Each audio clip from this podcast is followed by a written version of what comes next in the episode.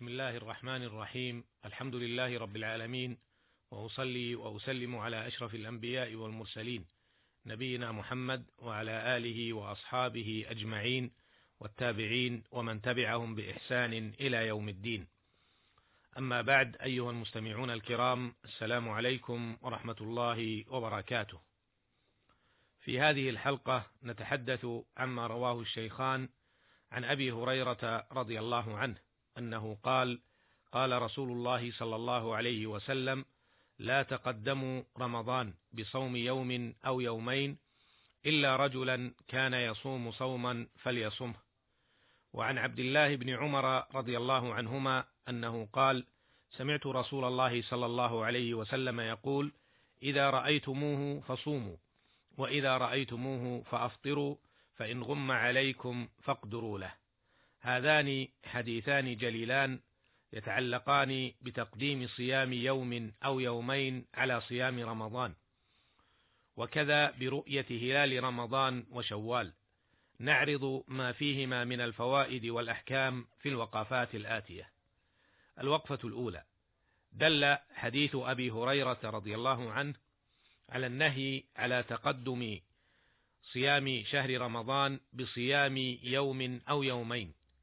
جاء في رواية للبخاري رحمه الله لا يتقدمن أحدكم رمضان بصوم يوم أو يومين.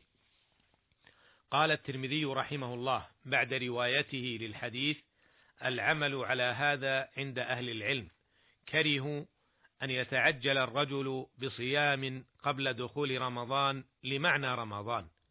انتهى كلامه رحمه الله. وقال ابن حجر رحمه الله قال العلماء معنى الحديث لا تستقبلوا رمضان بصيام على نية الاحتياط لرمضان. انتهى كلامه رحمه الله. الوقفة الثانية. دل الحديث على أنه يستثنى من هذا النهي من كان يصوم صوما اعتاد عليه فإنه يخرج من هذا النهي كمن اعتاد أن يصوم يوم الخميس مثلا. ثم وافق بعده رمضان مباشرة فهذا مستثنى من النهي. قال الحافظ ابن حجر رحمه الله ومعنى الاستثناء أن من كان له ورد فقد أذن له فيه لأنه اعتاده وألفه وترك المألوف شديد وليس ذلك من استقبال رمضان في شيء. انتهى كلامه رحمه الله.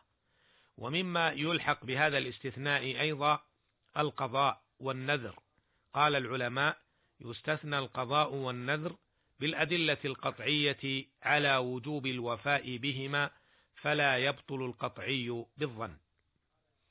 الوقفة الثالثة قال الحافظ ابن حجر رحمه الله وفي الحديث رد على من يرى تقديم الصوم على الرؤية ورد على من قال بجواز صوم النفل المطلق. الوقفة الرابعة ذكر العلماء رحمهم الله تعالى عددا من الحكم لهذا النهي منها التقوي بالفطر لرمضان ليدخل فيه بقوة ونشاط ومنها خشية اختلاط النفل بالفرض ومنها أن الحكم علق بالرؤية فمن تقدم بيوم أو يومين فقد حاول الطعن في ذلك الحكم. وهذه الحكم كلها ملتمسة من هذا النهي وسواء كانت هي الحكمة من النهي أو غيرها فينبغي النهي فيبقى النهي بعدم تقدم رمضان بصوم يوم أو يومين. الوقفة الخامسة دل الحديث بمفهومه أنه يجوز أن يصوم قبل رمضان بأربعة أيام أو ثلاثة أو أكثر، لأن الحديث حدد النهي بيوم أو يومين. فلو صام رجل قبل رمضان بخمسة أيام مثلا ثم أفطر جاز ذلك ولا يدخل في هذا النهي. وإن كان قد جعل وإن كان قد جعل بعض العلماء النهي يبدأ من منتصف شعبان ولكن هذا ليس بصحيح لضعف الحديث الوارد في ذلك والله أعلم. الوقفة السادسة. جاء في حديث عبد الله بن عمر رضي الله عنهما إذا رأيتموه فصوموا. أي رأيتم الهلال. وقال فإن غم عليكم. غم بضم الغين وتشديد الميم. والمراد استتر عنكم بغيم أو غبار أو نحوهما. وقال فاقدروا له. قيل فيها معنيان. المعنى الأول فاقدروا له بالحساب. بمعنى فأكملوا عدة شعبان ثلاثين يوما. والمعنى الثاني فاقدروا له أي ضيقوا عليه بمعنى أن يجعل شعبان تسعة وعشرين يوما. والمعنى الأول هو الأرجح. الوقفة السابعة. دل الحديث دلالة صريحة على أن الحكم بدخول شهر رمضان أو بدخول شهر شوال معلق برؤية الهلال. فإن رؤي الهلال ليلة الثلاثين من شعبان فيحكم بدخول رمضان. وكذا إن رؤي الهلال ليلة الثلاثين من شوال فيحكم بدخول شهر شوال. فالرسول صلى الله عليه وسلم قال إذا رأيتموه فصوموا وإذا رأيتموه فأفطروا وعليه فإذا لم يرى الهلال ليلة الثلاثين من شعبان فلا صيام ولا يكون الثلاثين من شعبان من رمضان. الوقفة الثامنة.